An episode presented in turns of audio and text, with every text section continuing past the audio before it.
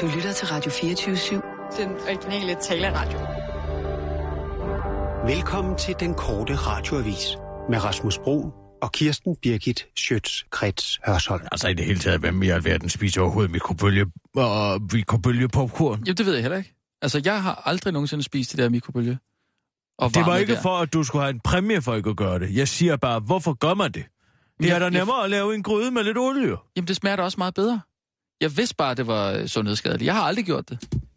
Jeg laver dem øh, i... Jeg har en stor gryde. Masser øh, olie. Lidt smør, hvis det lige skal smage lidt ekstra. Og så er der bare... Altså, det er ikke så svært, er det jo ikke, vel?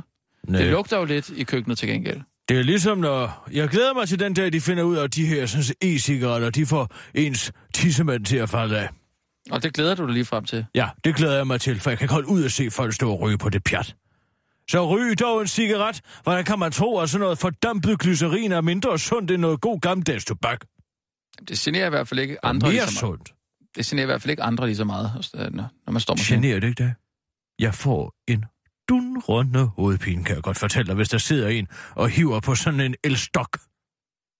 Ja, Og de bliver jo efterhånden så store, at man skulle tro, det var en vandpibe, de gik rundt med. Ja, men det er jo også øh, farligt. Har du ikke set, der er en, eller anden, der er en, øh, en ung dreng, der har suttet på sådan en vandpipe der, og så... Så, har han så fået den? nogle farlige bakterier i Ej, hvad var sig. det, jeg så den øh, tidligere i dag. Det var vist BT. Han er blevet indlagt.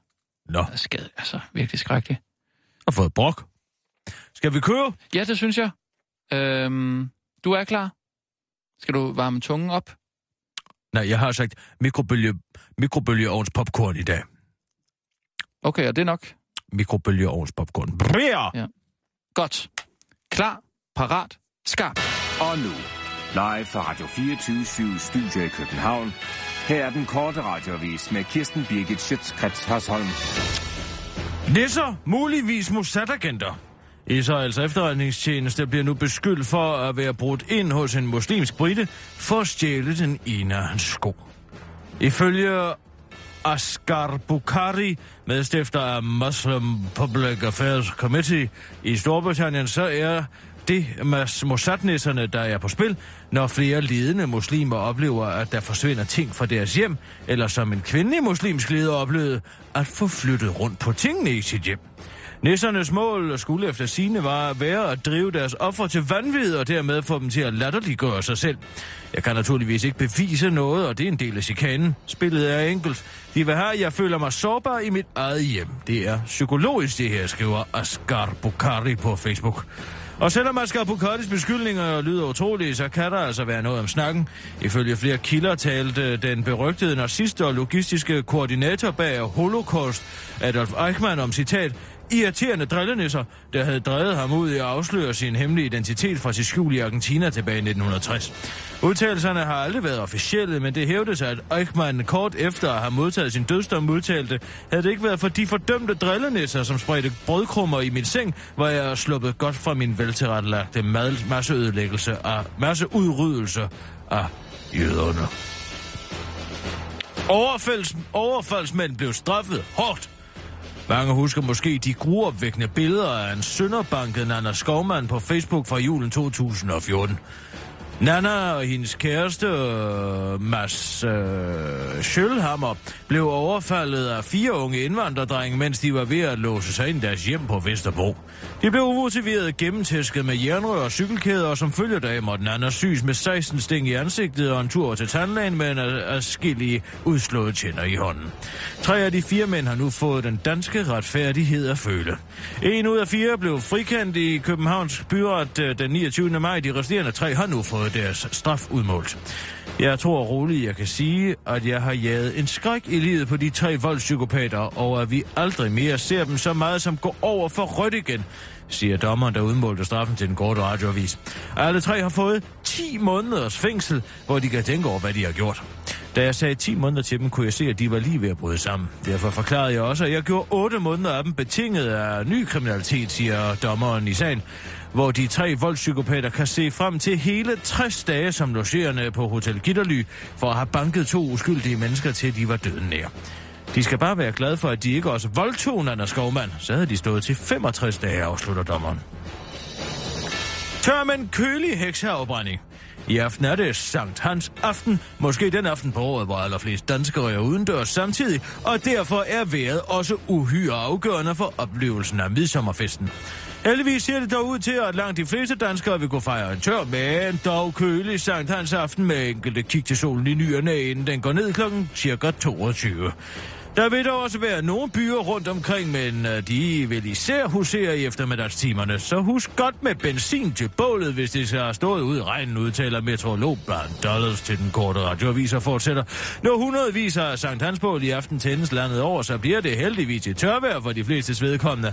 Og det er virkelig en skøn værnyhed nyhed at kunne give danskerne oven på den triste sommer, som vi har haft indtil videre.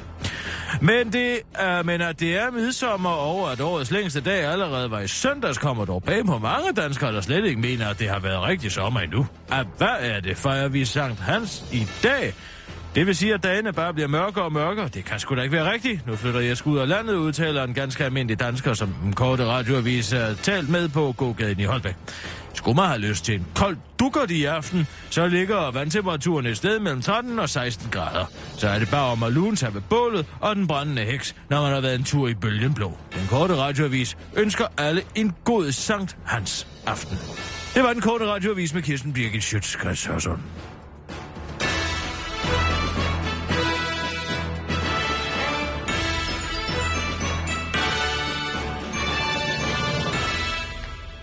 Jeg har fundet den nu, Kirsten. Chris blev forgiftet af vandpibe. Jeg kunne lige så godt være død. Det var kulilteforgiftning. Nå, Ja, så har han røget, så har han røget tæt på den. Han er kæde, kæderøget vandpiberne. ja, der står, jeg nåede vel at tage 6 eller 10 sug. Jeg lagde godt mærke til, at det smagte lidt af kul, så jeg sugede lidt ekstra. Men så blev, den, så blev jeg pludselig svimmel. Jamen altså, han er jo en, en, en ung dreng på 18 år, hvor skulle han vide? Hvorfor? Hvad er den her trend med at ryge på vandpiber? Man kan jo ikke gå efterhånden uden at kigge ind i, i en stueejendom, hvor der sidder en 20-30 unge mænd på marokkopuder og ryger vandpibe i en rundkreds. Altså, hvad er det for noget? Hvorfor kan man nu ikke tage sig en smøg som i gamle dage? Jamen altså, de har jo også altid røget på vandpiber. Hvem har? Unge Chris på 18 år? God, Nej, nej, men altså... Han har ryger sikkert de her øh, røde discount-cigaretter, hvad er det for noget? Nej, jeg mener bare dem, der sidder på marokkopuder. Altså, det er jo... Nå ja, dem. Ja, de har der. Men hvorfor skal de til at lokke vores unge mennesker til at være ved Nej, at dø? jeg tror ikke, de lokker nogen til. Det ene eller det andet. Hvorfor sidder de altså med døren åben, så man kan dufte den livlige æbletobak helt ud på gaden? Hvorfor de sidder med åben dør? Må de nu ikke sidde med åben dør, eller hvad? Hvorfor skal vi forpeste sig deres æbletobak? Hvad er du nu i vejen med en god, sød dansk pibetobak? Eller en god cigaret? Ja, det synes jeg lyder sådan lidt dansk folkeparti det der, hvis jeg skal være helt ærlig. Åh, vil du rende mig i røven med din, med din fagt for det parti? Det er gennemskueligt. Mm, jeg synes bare, det lyder sådan lidt fordomsfuldt, det der, du har gang i. Er ikke Men fordi, er det jeg ikke har... sandt? Om hvad er sandt? Det, jeg siger, At det lugter, det lugter lidt af frugt. det, det stinker. Ah, det er de da har bedre. er, forkærlighed for parfume. Det ved du. det ved jeg ikke, om de har mere forkærlighed for parfume end mulige Ved du andre ikke det? Lad nu være. har. Hvad tænker du på? Lad nu være. Er det Russia, du snakker om nu? Jeg nævner ingen navne. Du har været efter Russia så mange gange. Det har jeg da overhovedet ikke. Jo, fordi hver eneste gang, vi kommer ind i de her studier, Russia har været, så begynder du at brokke dig over, at der lugter af, af forskellige parfumer og sådan noget. Som om, at ganske almindelige hvide danskere ikke også øh, har parfume. Ganske almindelige hvide danskere. Ja, så det, det, du, nej, nu skal du ikke prøve at få mig ud i et eller andet. Du skal ikke få mig ud i et eller andet. Jeg får ikke dig nogen steder hen. Det klarer du så ganske fint selv. Jamen, det er ikke mig, der er efter folk med parfume, vel? Og, og prøver at, at kæde parfume sammen med, med indvandrere. Det er det, du gør. Og det er det, du siger hver eneste onsdag, når Russia har været her. Men er det ikke sandt? Se mig i øjnene og sig, at jeg lyver. Det er der ikke noget med, med hendes hud. Se mig det, i øjnene og sig, at jeg tager fejl så. det har ikke noget at gøre med hendes hudfarve. Men hvordan kan det så være? At når der har været russisk roulette, så dufter der langt mere af parfume her i studiet, end der nogensinde har gjort ellers. Og jeg er da en ældre hvid kvinde. Ja, og ved du hvad? Og dufter jeg parfume? Nej, Nej, det gør du vel? Nej. Nej. Men når Huxi har været her, Så dufter der heller ikke af parfume. nej, så lugter der af gammel. Ja, det er der, fordi han har sådan nogle gamle chatpisser af nogle folketingsmedlemmer herinde og stå og drøbe lidt i bukserne. Det er da utroligt, som du er efter alle folk, der er inde i det her studie. Er det fordi, der ikke er andre end dig, der må være her? Jeg er ikke efter alle dem, der er i det der studie. okay. Jeg er efter alle dem, der er her umiddelbart, inden jeg selv er her. Mm. Det er det mindste, man kan gøre, det er at tage hensyn. Og man skal ikke tage parfume på i det offentlige rum. Man skal i hvert fald gøre det med, med en vis nøjsomhed. Jamen, jeg er heller ikke tilhænger af for meget parfume, altså, men jeg siger bare, det er ikke noget med... Men du øh, kan godt begynde at tage en deodorant på. Ja, jeg har lagt mærke til, at du holdt op med det. Du troede nok, at ingen ville opdage det. Men vi har opdaget det alle sammen, og Sissel har bedt mig sige, at du stinker af sved. Hvad for noget? Har du sagt det, Sissel? Kan du, Du skal lade være med at køre det over på hende. Hun har bedt mig sige det, og nu siger jeg det. Du stinker. Jeg ved godt, du er bange for en antiperspirant, og du er bange for, at du får udslæt i armhulen. Men det mindste, man kan gøre, når man arbejder på en arbejdsplads, det er altså at sørge for, at man ikke har en frygtelig dør. Og det har du. Kan du lugte det? Om jeg kan lugte det? Mine øjne har løbet vand siden kl. 7 i morges. Jamen, det, det, er, det er simpelthen, fordi jeg, jeg, jeg har fået sådan noget udslat under armene, så jeg begyndte at... Og, Du må finde på et eller andet. Så må du tage til en hudlæge. Eller pakke dem ind i cellofan. Et eller andet skal gøres. Nå. Men altså, mens vi er ved ærligheden, så synes jeg også... Kan øh, du så ikke lade være med at stå med armen i siden der? Luk din arm tæt ind til kroppen. Sådan. Nå. Tak skal du have. Men har hvad du, har du hørt om, øh, man kan få sådan nogle øh, mindpasteller?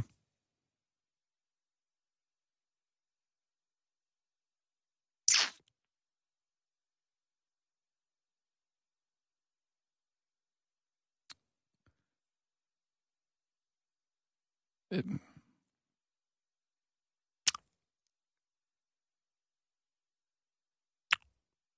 Vil også du kigge ned i bordet, Rasmus. Det der kan du godt droppe. Jeg går ikke og eksperimenterer med ikke at børste tænder. Jeg børster mine tænder hver morgen og hver aften, og jeg stinker ikke ud af munden. Du derimod har taget en bevidst beslutning om at holde op med at bruge deodorant, og det er til stor gene for dine kolleger. Og så skal du ikke komme med sådan et redselsfuldt angreb på en kollega, bare fordi du har fået såret dit ego. Nej, jeg tænkte bare, at nu var vi i gang med at, at, at fortælle, hvad, hvad man kunne gøre bedre øh, sådan på arbejdspladsen, ikke? Øh, sådan arbejdsmiljømæssigt, og hjælpe hinanden med, øh, med de øh, Du kan godt droppe den der HK-sale. Bare sige tingene lige ud. Jamen, altså... Det er ikke god kollega-karma, det du har gang Nej. der. Men om, altså, hvis jeg skal sige det helt ærligt, så, så siger jeg bare, at det vil være... Altså, man kan få sådan nogle mindpasteller, som... Øh, du kan have dem i, øh, i, din, ta- i din håndtaske. Og er det sådan, at du kan høre, at jeg kommer? Er det fordi, du er bange for, at jeg sniger mig ind på det? Så Nej. vil du gerne have, at jeg går og rasler? Nej, det er ikke, det er ikke derfor, jeg godt kunne tænke mig... Så du jeg kan se, når du sidder og ser videoer på internettet, i stedet for at lave dit arbejde. Det kan altså i mange tilfælde også godt være mit arbejde. Og det er beklageligt. Men altså, en, en mint, altså en TikTok eller et eller andet, altså. En gentleman vil have tilbudt en, i stedet for at antyde det, du antyder. Sådan ender der er jo langt imellem dem. Jamen, Det er da ked af, at jeg ikke har tilbudt dig en, en, en TikTok som en... Nå, skal vi til at komme i gang? Øh, der er jo det her Bjarne Ries... Øh, Ja, tak. Åh, så skal vi alle sammen gå og være overrasket over, at han har holdt noget fordækt endnu en gang. Altså, hvor mange gange kan man blive narret? mm. Jamen, det er måske ikke... Skal vi ikke bare gå ud fra, at alle cykelrytterne lyver? Jo, men det er altså alle de andre... Jeg synes jo, og det har jeg sagt i 10 år, siden den store skandale. Ja, det er faktisk 20 år snart, i 97, hvor jeg sagde, og jeg sagde allerede dengang, så lad det, lad det gå amok. Altså, Lad det... Hør det- efter, hvad jeg siger til dig! Var det ikke 98? Nej, det var 97. Festina, ikke? Festina-skandalen var i 97. Det var da 98. Var det ikke? Husker jeg galt? Jeg sagde dengang, Ja. at man skulle gøre det, som man gør i Formel 1, som jeg er meget stor fan af. Der har man jo både en, altså en pointmæssig øh, verdensmester. Lad, gider du være venlig at høre efter, hvad Ja, jeg siger til jeg, jeg hører efter. Jeg skulle bare lige se, hvad Der har man både en... Hør nu efter, Ja, hvad jeg ja, siger! ja, ja, hvad? Der har man både en pointmæssig og verdensmester. Det er altså den, som har vundet flest Grand Prix. Ja, ja. Eller ikke nødvendigvis vundet flest Grand Prix, men den, der har skrabet flest po- points sammen. Ja. Ja. Uh, og så har man konstruktørernes øh, verdensmesterskab også. Altså dem, der laver den bedste racer, så at sige. Ja. Så der tænker jeg, at det kunne man overføre direkte til Tour de France. Jeg ved godt, at det måske er for sent at implementere i år, men næste år måske. Og man har simpelthen en, altså cykelrytternes øh, Tour de France, hvor den bedste cykelrytter vinder, mm. og så har man en dopinglægernes Tour de France, hvor den bedste dopinglæge vinder. Men hvorfor kan man ikke bare have et rent Tour de France? Ja, hvorfor kan man ikke det? Ja, det er jo fordi, de tager det alligevel, måske. Ja, det er ja. måske derfor. Ja. Jeg vil jo gerne med derned. Jeg har kigget på det. Og det passer udmærket. Hvad for noget? Øh, du sagde i går, at vi havde fået bevilling. Og jeg har været inde og spørge Jørgen Ramsgaard, det drejer sig om 250.000, vi har fået til at sende en uge fra Tour de France. Det kan desværre kun lade sig gøre i øh, fire dage intensiv Tour de France, så jeg kan være med, men øh, det passer udmærket med, øh, med min feriestart i øh, slutningen af juli. Og derfor har jeg sagt, at vi, gør det, vi, vi sender fire dage for 250.000, og, øh, og så sender vi øh, en time øh, hver dag fra Fire Tour de? France. Fire dage. Og vi har, vi har fået en uge. Ja, ved det godt. Jeg kan ikke være med i mere end fire dage. Vi starter øh, den øh, Om det er 250.000 er- 22. Hør nu efter, hvad jeg siger til dig. Jeg har aftalt det med Jørgen. Nå, Det er afsindig anstrengende at tale med dig, fordi du hele tiden afbryder. Så nu siger du Nå, stille, ja. og så forklarer jeg dig. men man kan godt stille et Det var spørgsmål. da utroligt. Man kan, jeg stiller bare et spørgsmål. Jeg Lad stiller, være at stille spørgsmål, før jeg taler færdig. Jeg har aftalt med Jørgen. Vi tager dig ned den 22. Hør du efter? ja, Så kører vi derned i om. Så får jeg benzinen betalt. Jeg skal alligevel til Toskana umiddelbart efter. Det skal jeg fra den 26. Der har jeg lejet et hus, og der kommer Lone Kølmand ned, mm. og så hygger vi ned i det hus. Det vil sige. Okay. vi tager Pyrenæerne, nogle af Pyrenæetapperne, og slutter af på Alpe d'Huez, som er dagen inden. Hør efter! jamen jeg hører... Som ja. er dagen inden øh, Champs-Élysées. Der kan jeg ikke være med. Der trækker jeg stikket og tager til Toskana, og så får jeg... Øh, så kan jeg få benzin betalt, skal jeg sige det dernede. Det koster jo en formue at køre ind dernede. Men så det vil nu har jeg lige Tour de France-planen her. Altså, du vil godt være med på den næstsidste etape. Ja, Altså, det er den store, ikke Alpe d'Huez. Jo, men dagen efter er jo... Hvor øh, her det er jo Champs-Élysées. Champs-Élysées-etappen. De kører bare rundt i ring, Jamen, og ingen må gå i udbrud og hip som hap. Det er jo afgjort det inden. Sådan er det jo Men så altid. forstår jeg ikke, altså, du vil, er det ikke lidt mærkeligt at springe den sidste dag af? Øh, sp- springe den over? Er det ikke Altså- mærkeligt, at man overhovedet har den etape? Ja, Løbet er jo afgjort den dag, dagen inden. Men hvad tror du, lytterne vil tænke? Lige pludselig er ved der ikke Jeg vil da skide på, hvad lytterne tænker. Jeg har lejet et hus, og det hus skal beboes fra den dag, jeg har lejet det. Og kan vi så få nogle nyheder, sådan bliver det. Jo, men så forstår... Ja, nej, nej, lad os nu lige roligt nu, Kirsten. Altså, øh, hvornår er det, du siger, at vi, vi tager dig ned? Fordi du snakker om fire dage, men vi har jo syv dage.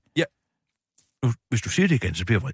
Jeg har talt med Jørgen om, at vi får den samme mængde penge for kun fire dage. Hvordan er det lykkedes dig? Hvad rager det dig? På samme måde, som det lykkes mig at få dobbelt så meget løn som dig.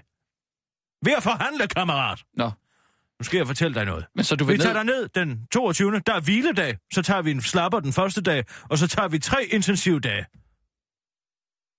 Ja. Og så, og så hjem før Og så, kører, så må du tage Interrail hjem, så kører jeg videre til Ja, Toskana. okay. Man kan stadig få Interrail, tror Ja, men jeg, til en altså, jeg synes penge. at det er bedre end ingenting. Men, men, øh, men altså selvfølgelig, jeg kan ikke forstå, at vi kan tage dig ned og være der hele ugen. Du skal jo ikke noget, vi skal jo bare sende.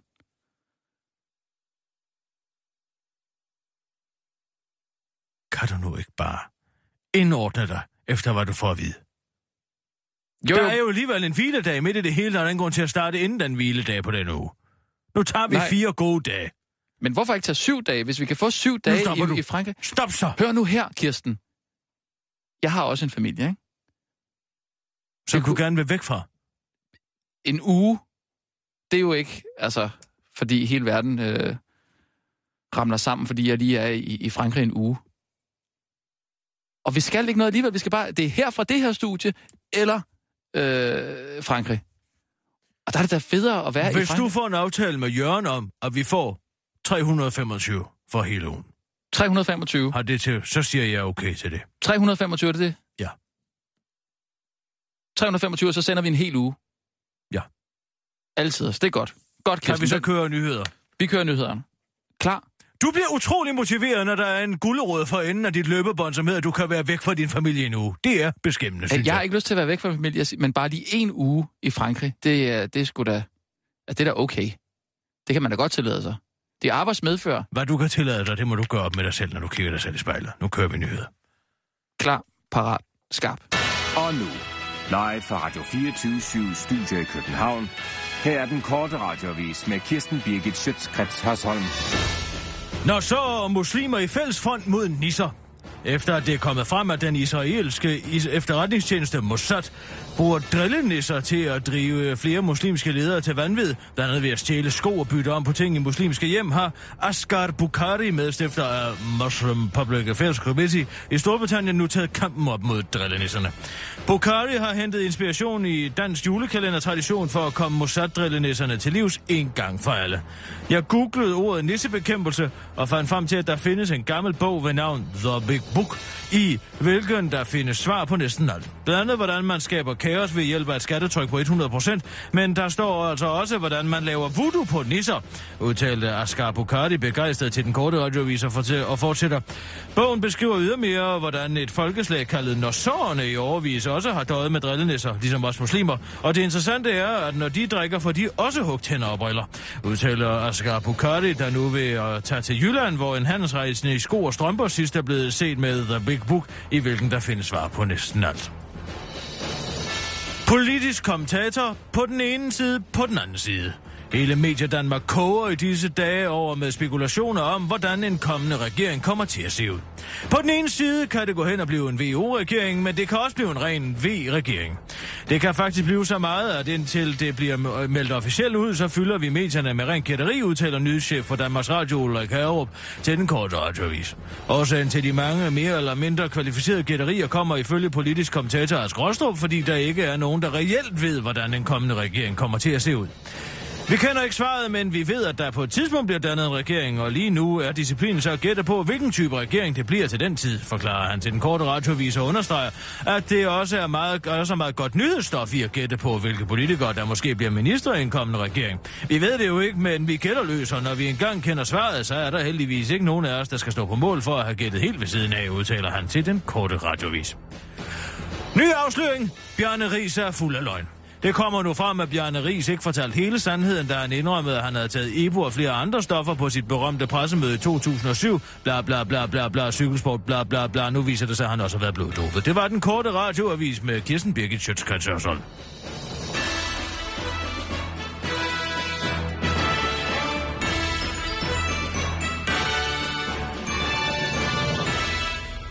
Ja tak, Kirsten. Super. Uh, Det er, hvad jeg siger til det cykelsport. ja. Um, Der er et godt uh, gammeldags uh, amerikansk ordsprog, som lyder sådan her. Fool me once, shame on you. mm, Fool me twice, shame on me. ja. Og den indstilling burde de danske sportsjournalister tage til uh, Bjarne Ries.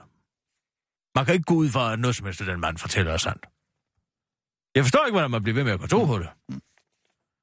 Jeg synes, det er helt vildt, det der med, med Mossad. Må sætte. Ja, altså, at de bruger øh, nisser til at... Og, øh, Nej, det er ikke nisser. Det er Mossad-agenter, der bryder ind i folks hjem. Altså mest muslimers hjem. Og Nå, får men dem altså, til at, ja. fremtrædende muslimer. Og får dem til at tvivle på deres egen... Øh, altså tvivle på deres egen øh, øh, sindstilstand, simpelthen. Hvad, siger man? Tvivle på deres egen... Mm, ligevægt, der var Mm. ordet.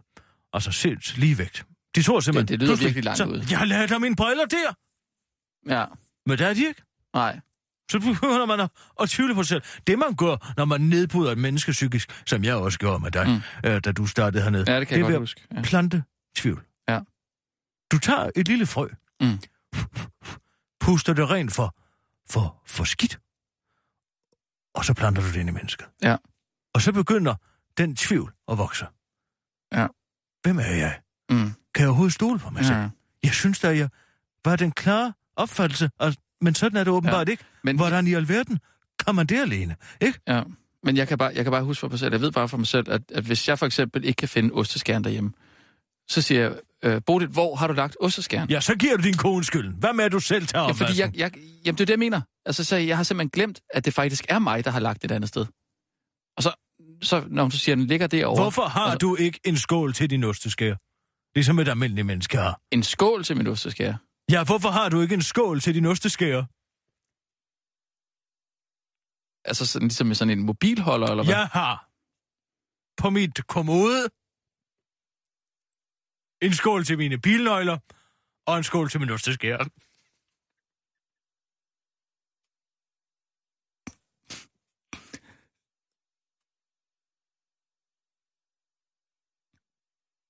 Hvor, hvor, hvorfor har du den stående på kommoden, Kirsten? Altså, Jeg, jeg har den i en køkkenskuffe. Kan det ikke være ligegyldigt? Det her drejer sig jo om, at nogle mennesker tror, at den slags er noget efterretningstjenester gør. Og det tror jeg sådan set godt, de kan have ret i. Man har jo set mere vanvittige ting, hvad CIA har forsøgt med tankekontrol og LSD-indsprøjtning mm. og alt sådan noget, ikke? Så hvorfor Jo. ikke gå ind og sige, nu snupper vi skulle lige den ene træsko? Og, Og- og så kommer han hjem og så tænker, hvor fanden er den træsko hen? Jeg kunne da have svoret, jeg stillede dem ved siden af hinanden. Og CIA slår også John Lennon ihjel, ikke? Nej, det var en, der hedder Mark Chapman, Nå jo, men som jeg, jeg, jeg, jeg, jeg, skød ham ude foran et hotel i New York, simpelthen. ja, ja, det ved jeg godt. Han var på vej hen, han havde faktisk fået hans autograf Ja, ja, det ved jeg på godt. Hva? Det, ja, det ved jeg godt. Hvorfor siger du så det andet? Jamen, det var sådan, altså, ironisk, øh, altså... Det kan du godt få ud herfra.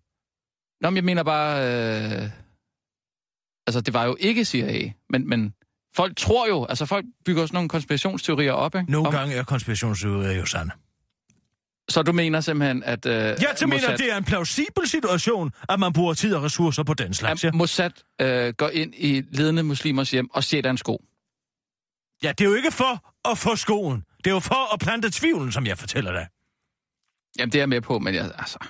Jamen, du kender, Hvorfor- vi, kender jo en, de- vi kender jo en erklæret Mossad-agent. Kunne de. Skal vi ringe og spørge? To Hvad tænker du på, øh, Martin Krasnik? Ja, Adam Holm. Altså, det kan være, vi kan lige godt ringe til. Jamen, det kan- Adam som Krasnik, de er begge to. Det har, men det er jo Adam Holm, som har været åben hjertig og sagt, ja, den er god nok. Jo. Jamen, det, det var da Så meget... ring, Sissel, ring lige til Adam, så får vi det her på, på plads.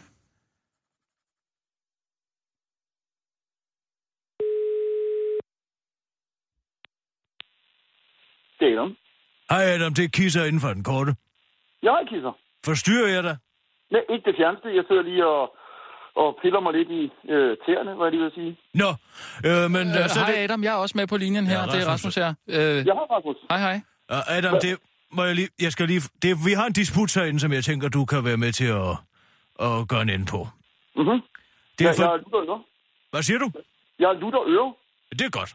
Uh, det drejer sig om... Uh, Rasmus tror ikke på, at efterretningstjenester kan finde på at bryde ind i folks hjem for at fjerne uh, ting, for at plante tvivl, og, og, og sådan så, at de mennesker, som er i de hjem, uh, kommer til at tvivle på deres egen sindslige vægt. Nej. Og det, og det er der kommet en historie frem om, at der er en, der anklager Mossad for at gjort det. Vi ved jo, du er Mossad-agent.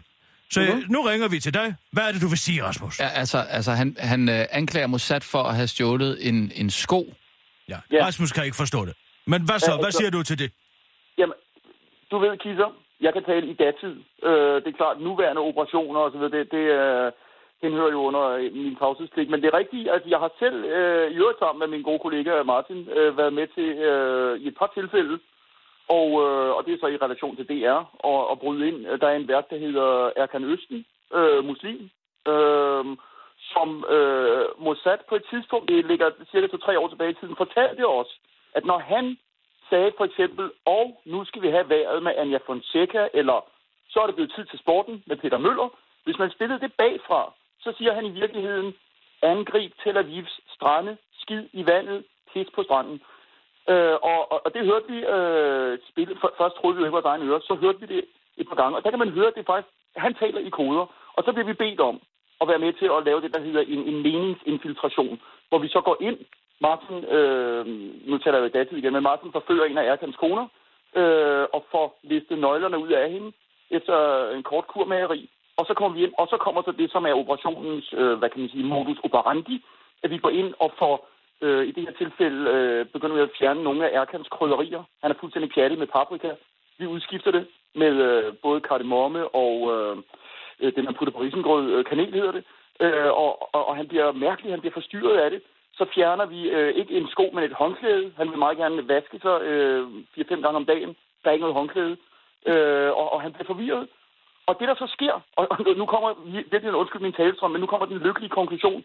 Efter et halvt år bliver vi så kaldt tilbage på ambassaden, og så siger de, prøv lige at høre her, drenge. Og så spiller man Erkan igen i TV-avisen, hvor han siger, og nu er det over til sporten med Peter Møller. Hvad sker der?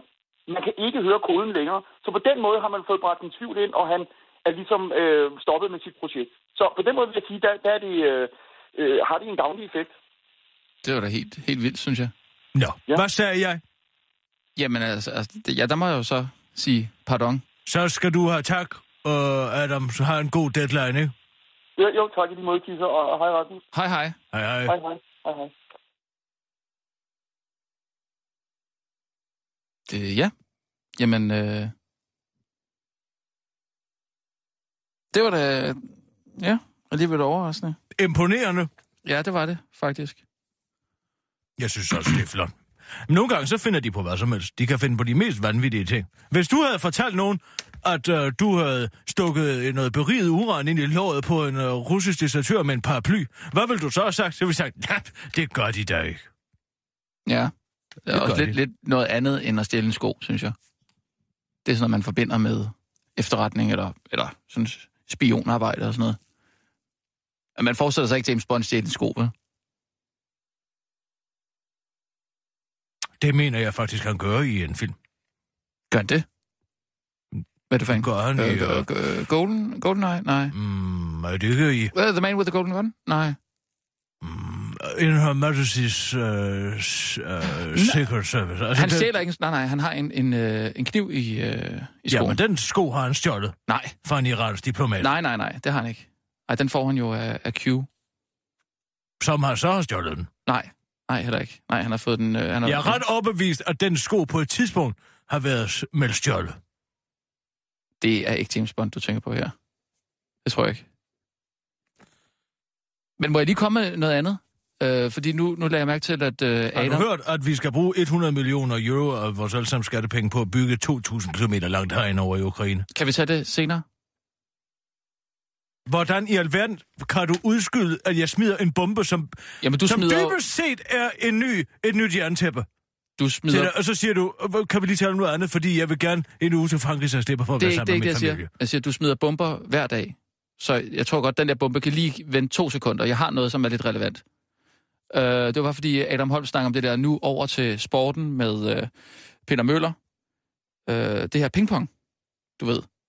Ja, Øh, jeg, som jeg gør så øh, enormt godt. Nej, eller jo, men det var fordi, jeg sad og så TV-avisen i går, og der var et oplæg fra netop Erkan Østen over til, til, til vejret, Ja, som jeg synes var rigtig godt, som jeg tænkte, at jeg lige vil spille for dig. Fordi så kan du lige høre, hvordan pingpong egentlig skal fungere, hvor, altså hvor, hvor, hvor kort og godt det egentlig kan gøres. Prøv, prøv lige at høre en gang. Så er spørgsmålet, om man skal vælge den fine kjole eller regnfrakken i morgen til Sankt Hans, Morten Nynge. Når det nu er dig, jeg kan, så skal det nok være kjolen. Ej, spøj til side. Det beror virkelig på, hvor i landet man er i morgen aften. Det kigger vi på lige om lidt. Der. Den var god. Den var rigtig god, fordi det er, det er, det er sjovt, men helt kort også, ikke? Og så øh, runder man lige af med at fortælle øh, seerne i det her tilfælde, det var bare for sjov. Så er spørgsmålet, om man skal vælge den fine kjole eller regnfrakken i morgen til Sankt Hans, Morten Nynge. Når det nu er dig, jeg kan, så skal det nok være kjolen. Ej, spøj til side. Det beror virkelig Gør på, det hvor i landet man er i morgen aften. Det kigger vi på lige om og lidt. det er god timing. Ja, det er ret Det god kan jeg godt ja, høre. Ja, ja. Men altså, så det man skal gøre... Nu skal jeg lige have fat i det. Du skal fortælle en vittighed, som man så umiddelbart efter siger, at det var for sjov. Er det det? ja det, jeg synes, det er godt, at man, man siger, ah, spøg til side. Fordi øh, altså, folk skal ikke tro, det er alvor, det man lige har sagt. Altså, også fordi, at det kan jo godt fremstå som et drilleri, det her. Når det nu er dig, så skal du nok have en kjole. Mm. Den er sådan, at det er sådan noget Ah. gay-bashing. Ja, og, og, og, det kan godt blive ubehageligt derinde. Ligesom øh, Jes Dorf engang sagde, uh, det lyder virkelig ulækkert. Det var, noget, det var en, en pingpong med noget, øh, noget homoseksualitet, som, som gik, gik skidt. Nej, det var Peter Tanef. Han sagde, ah, det lyder ulækkert, yes, eller sådan noget. Det var de to, der pingpongede. Så sådan var det. Hvad var Og så- ulækkert?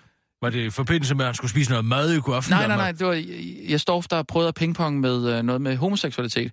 Og så smed han over til øh, Peter Tanef, der så sagde, ah, det lyder virkelig ulækkert. Mm. Og der altså, kom der jo øh, seerstorm på. Mm. Men det kan jo godt være, han synes, det lyder ulækkert. Så det må jeg Hvorfor ikke skulle sige. Hvorfor, nej. Og hvis du, hvis du kommer til at sige sådan noget, så lige sige, det var bare for sjov. Eller spøg til side. At det, er for mange regler i det her. Men jeg forestiller mig, at vi skulle øve det i dag. Ja, men vi bliver nødt til at tage nyhederne nu. Der er heller ikke noget, vi kan pingpong over til. Det er bare mig. Ja, men det er fint. Så må vi gøre det inden så tirsdag. Ja, det er godt. Klar, parat, skarp. Og nu, Der, der, live fra Radio 24 Har du ikke hørt om Ukraine? København. Nej, Her er det- den korte vi radioavis med? Kirsten Birgit Schøtzgrads Hasholm. Ukraine er bare i sådan en frygtelig situation. EU har netop overført 600 millioner euro til Ukraine. Beløbet er den tredje rette i et lån, som de europæiske skatteydere giver til landet, der ikke længere kan finansiere sig selv. Men det er der ifølge formand for Europakommissionen Jean-Claude Juncker en god grund til. Godt nok er landet et stort sort hul, og vi kommer aldrig til at se de penge igen, men hvad betyder det? Blot vi får vist de satans russere, at vi ikke deler magten med nogen, ej heller på steder, der er umiskendeligt ligner russisk interessesfære, udtaler Jean-Claude Juncker til den korte radioavis på vejen til et møde, hvor man øh, diskuterer eftergivelsen af græsgæld. Også her på de europæiske skatteyders øh, regning. Imens har EU-fortællerne Margrethe Augen og Margrethe Vestager dannet EU-tribute-bandet The Euro Margarets, der har til formål ved hjælp af en række ørehængere at forklare danskerne, hvorfor vi fortsat skal være med i vanvidsbyråkratiet, der nu vil bruge share blandt andet 100 millioner af de 600 millioner euro på et 2.000 km langt elektrisk hegn på grænsen mellem Ukraine og Rusland. Margrethe og Margrethe vil derfor stå på Højbro Plads de næste to uger og underholde, blandt andet med megahyttet Vi skal være med for ikke at være udenfor. De to musikalske Margrethe er dog ikke nervøse for at glemme teksten. Nej, det er nogle sange, vi har sunget i rigtig mange år, så vi glemmer ikke teksten, uanset hvor utilsvarende den er, siger en selvsikker Margrethe Augen til den korte radiovis, mens hun stemmer den 12-strengede til EU's kammertone. Ah. Ny undersøgelse. Muslimer er de mindst overtroiske i verden. Nu viser ny forskning fra Cambridge University i Amerika. I Amerika? Cambridge University, jeg skulle da ikke i Amerika. At de mest religiøse i verden også er de mindst overtroiske i verden. Undersøgelsen er blevet iværksat efter Asghar Bukhari, medstifter af Muslim Public Affairs Committee, i Storbritannien har beskyldt den israelske efterretningstjeneste for at stå bag teoriet af sin indsko. Det fik forskerne til at undersøge, i hvilke trosretninger man er mest tilbøjelig til at tro på overnaturlige forklaringer på uforskellige hændelser. I undersøgelsen satte man, uh, udsatte man en kristen, en muslim, en hindu, en jøde og en scientolog for en tilsyneladende, uforkla- tilsyneladende uforklarlige hændelser, som f.eks. at gemme deres fjernbetjening eller tænde og slukke for lyset i deres soveværelse. Og der var en klar tendens til, at testpersonerne alle havde overnaturlige forklaringer på de uforklarlige hændelser. Den eneste, der konstant kunne komme med en naturlig forklaring, var muslimen, som udelukkende mistænkte Mossad for at stå bag de uforklarlige hændelser. Det forklarer forskningsleder David Rubinstein Rexjudeum Goldsmith til den korte radioavis. Politisk kommentator vil gerne stå lidt på mål for sit regeringsbud. Den politiske kommentator David Træs forsøger nu at komme med et seriøst bud på en mulig regeringskonstellation, som han til med gerne vil huskes for at melde ud. Altså måske. Den politiske kommentator kalder sit bud for en politisk sensation, der vil katapultere Lars Løkke tilbage som en stærk leder. En løsning, som vil give ham langt flere bedre muligheder for at gennemføre den økonomiske politik, han skitserede i valgkampen. En model, der vil udstille de populister, der vandt valget som uansvarlige. En VSRK-flertalsregering, som David Træs skriver på altinget.dk og afslutter. Husk, du læste det her først. Altså en regering bestående af Venstre, Socialdemokratiet, Radikale og Konservative. Det meget konkrete bud er publiceret i går ved formiddagstid, hvor Dansk Folkeparti endnu så ud til at være langt fra at ville indgå i en regering, men i dag lader det dog til, at situationen måske er en lidt anden, og derfor er David Træs også glad for, at han nåede at dække sit bud øh, på en regering af med formuleringen, at det højst sandsynligt er en idé, som rumstere et sted i Lars Lykkes baghoved. Puha, det var tæt på, at det blev lige lidt for sikker analyse, men heldigvis får jeg lige dækket mig af med, at det højst sandsynligt bare er en mulighed, som Lars Lykke overvejer, så jeg ikke sætter for meget troværdighed på spil, udtaler David Tars til den korte radioavis. Det var den korte radioavis med Kirsten Birke Sjøtskrets Hørsholm.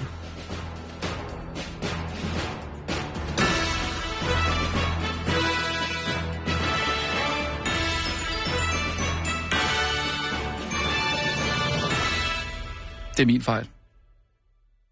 Det med Cambridge. Hvorfor alle ved der i hele verden, Ja, den er- at Cambridge ligger i England? Det er en, en, simpelthen en uh, slåfejl. En slåfejl er, når man kommer til at skrive gjort med det. Ja. Det her, det er en regulær research-fejl. Du har ikke lavet din research. Og så sidder Nej, jeg og men det siger... var en undersøgelse, og så, øh, så det er men mindre det er. Cambridge i Boston, det kunne jo også godt være. I pardon you. Det, det kunne godt være i Boston også. I pardon you.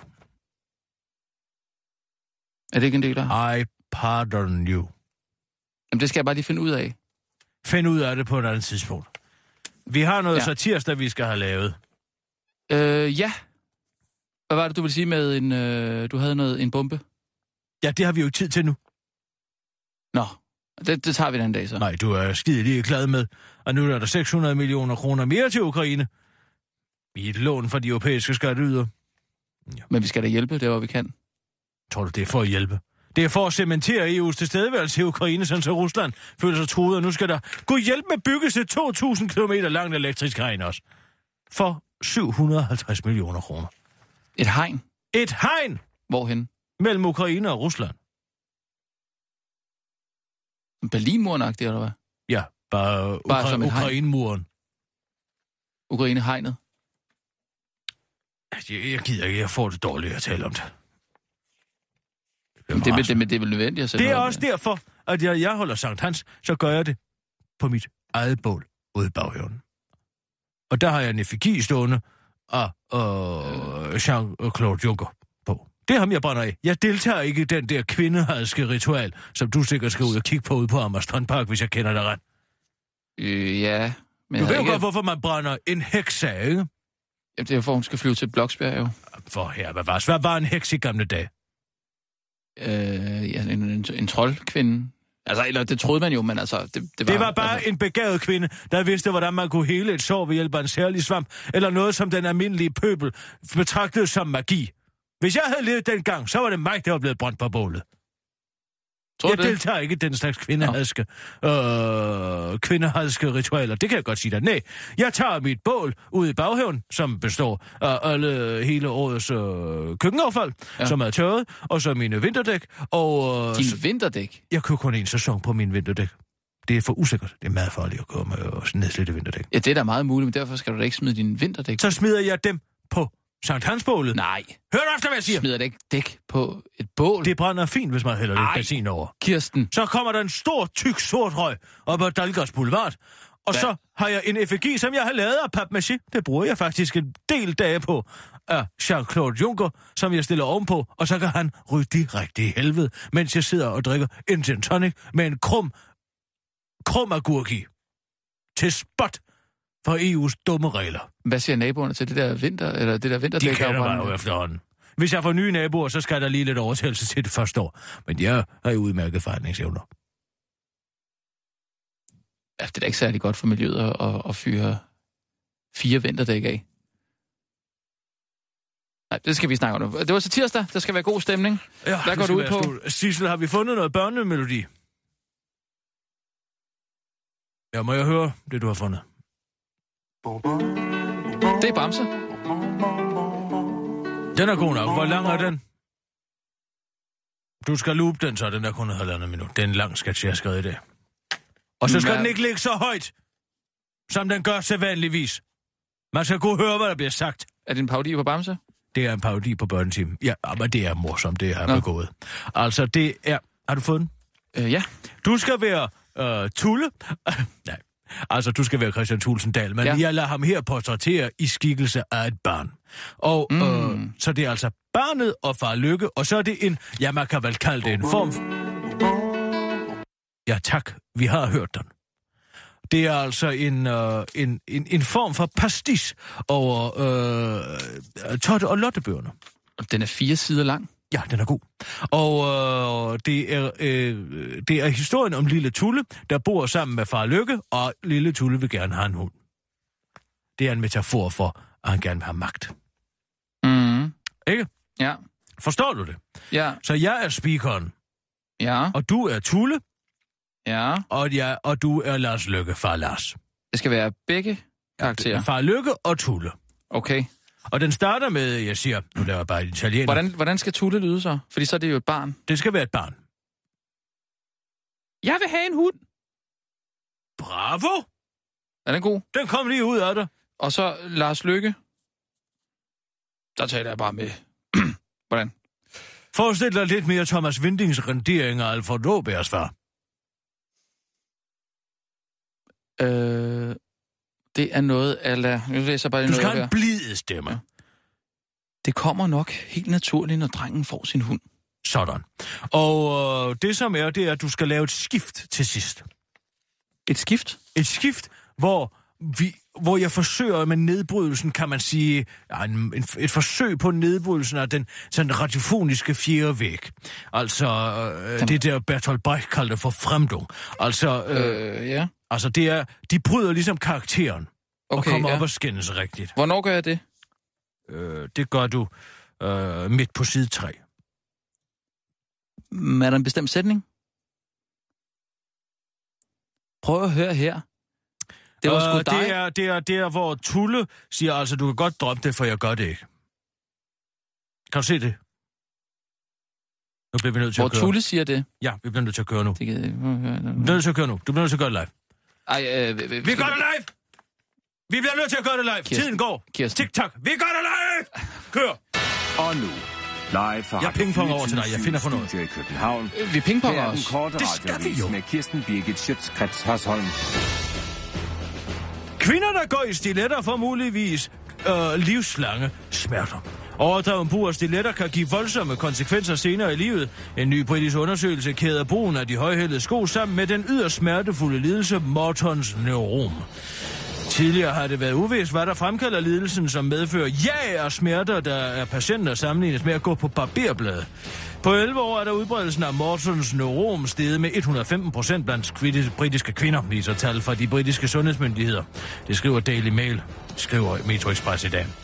I en helt urelateret historie må Anders Fogh melde afbud til et NATO-møde i Genève i dag på grund af nogle voldsomme ja i fødderne. Det føles som at gå på barberbladet, siger Anders Fogh til den korte radiovis. Altanejeren, der gerne ville vide, hvem der havde lagt tre fryseposer fyldt med pis på hans altan. Det var lidt af en overraskelse, der ventede en 28-årig mand på hans altan i Østergade i Horsens, da han søndag morgen gik ud for at slikke sig lidt søndagssol. Ukendte mærningsmænd havde mellem fredag kl.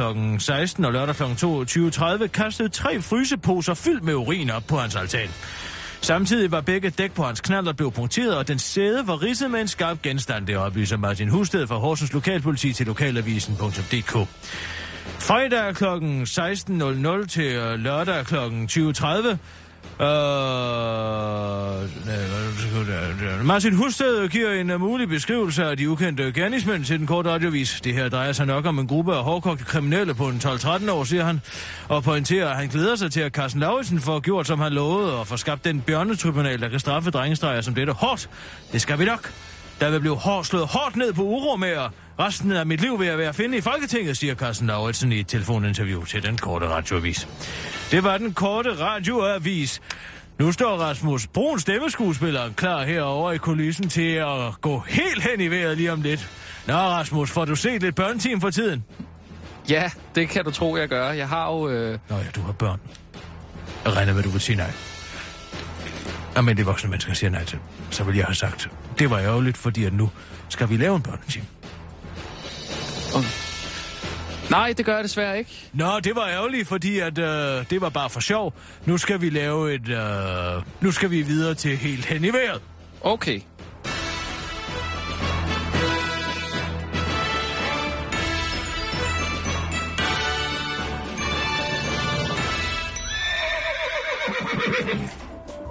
Inden for de næste minutter er der mulighed for, at deres radio er helt hen i vejret. Det er altså ikke deres radio, der er noget i vejen med, men hele Danmarks Radio. 24 Nu er Danmark ved at være helt godnat, så I får lige en godnat-historie. I dag skal I høre historien. Tulle får en hund. Lille Tulle er ved at blive en stor dreng, og han har allerede, han har allerede en ordentlig mundfuld for far Dyk. En dag kommer Tulle hjem fra børnehave og siger, så siger han til far Lykke. Jeg vil have en hund. Det ved far Lykke ikke helt om er en god idé, for lille Tulle er ikke helt stueren endnu. Men han tænker alligevel, at det kan være sundt for Tulle at lære noget om at tage ansvar. Hvis man får en hund, så skal man nemlig også gå med den, forklarer far Lykke. Okay, lille Tule. Så får du en hund. Men at have en hund betyder altså også, at man skal give den mad og bade den. Det er ikke kun sjov. Man skal også tage noget, der hedder ansvar. Forstår du det? Spørg far Lykke. Ja, ja, det skal jeg nok. Ej, hvor lille Tulle glædede sig. Selvom der var en hel uge til, at hunden kom, så fortalte Tulle til alle, han kendte, om hvad ham og hunden skulle lave. Når hunden kommer, så skal vi lege til fat, og vi skal lege port, og vi skal spise pølser ned hos slagteren sammen, og vi skal flyve i rumraket. Flokklade Tulle, der godt kunne have nogle lidt urealistiske fantasier. Far Lykke var lidt bekymret for, at Tulle talte jo kun om alle de sjove ting. Der var slet ikke noget af det ansvar, han havde forklaret Tulle om, men det slog han hen. Det kommer nok helt naturligt, når drengen får sin hund. Tænkte far Lykke, endelig kom dagen, hvor Tulles hund skulle bo hos far Lykke og Tulle. Og Tulle var lykkelig.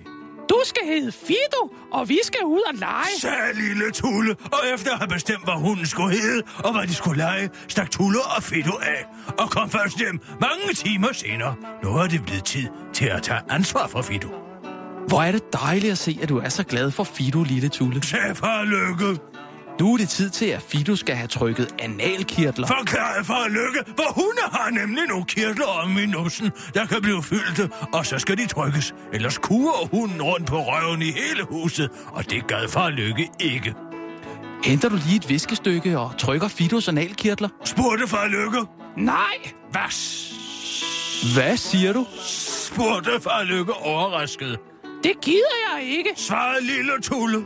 Men du lovede jo, at du vil tage ansvar, hvis du fik en hund.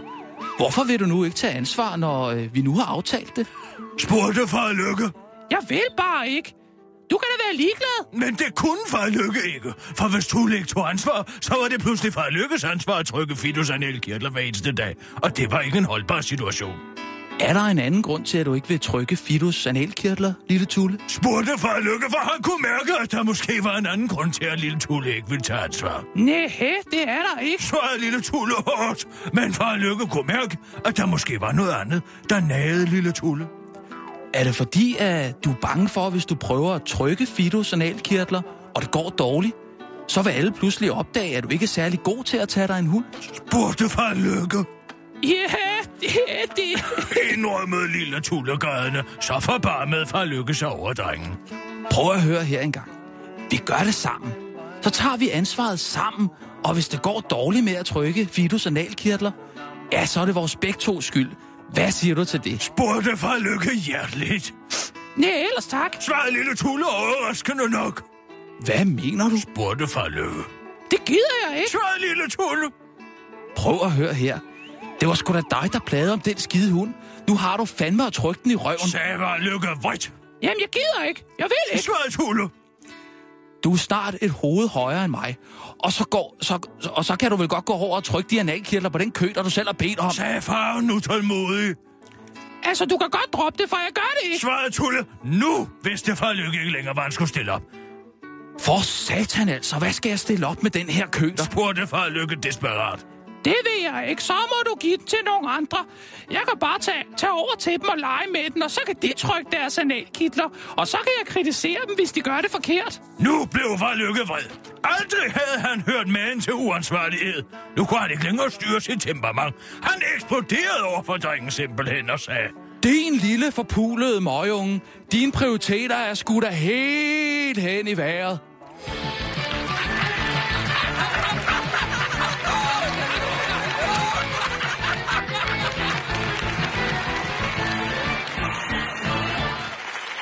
Huh, Puh, det var godt nok. det gik godt det hele.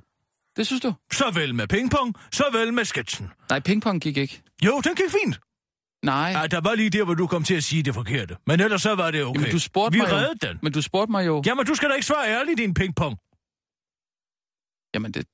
Hvordan skal jeg vide Du det? sagde jo selv, at Peter Tannet var kommet til at svare ærligt om sin homofobi, og det var gået dårligt. Så regnede jeg med, at du ville lyve. Nå... Åh, det er sgu... Ja. Sådan havde jeg selvfølgelig ikke set, at du ville tolke den.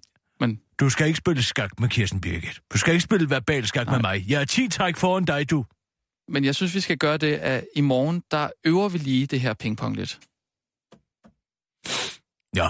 Fordi det er ærgerligt at, at, at gøre det live nogle gange. Øh... Jeg synes, det er vidunderligt at gøre det live. Jamen, det er det også, når det lykkes, men... Det er forfriskende. Ja. Alt er så indstuderet nu om dagen. Jamen, det var en rigtig sjov sketch. Tak skal du have. Det har også gjort mig umage.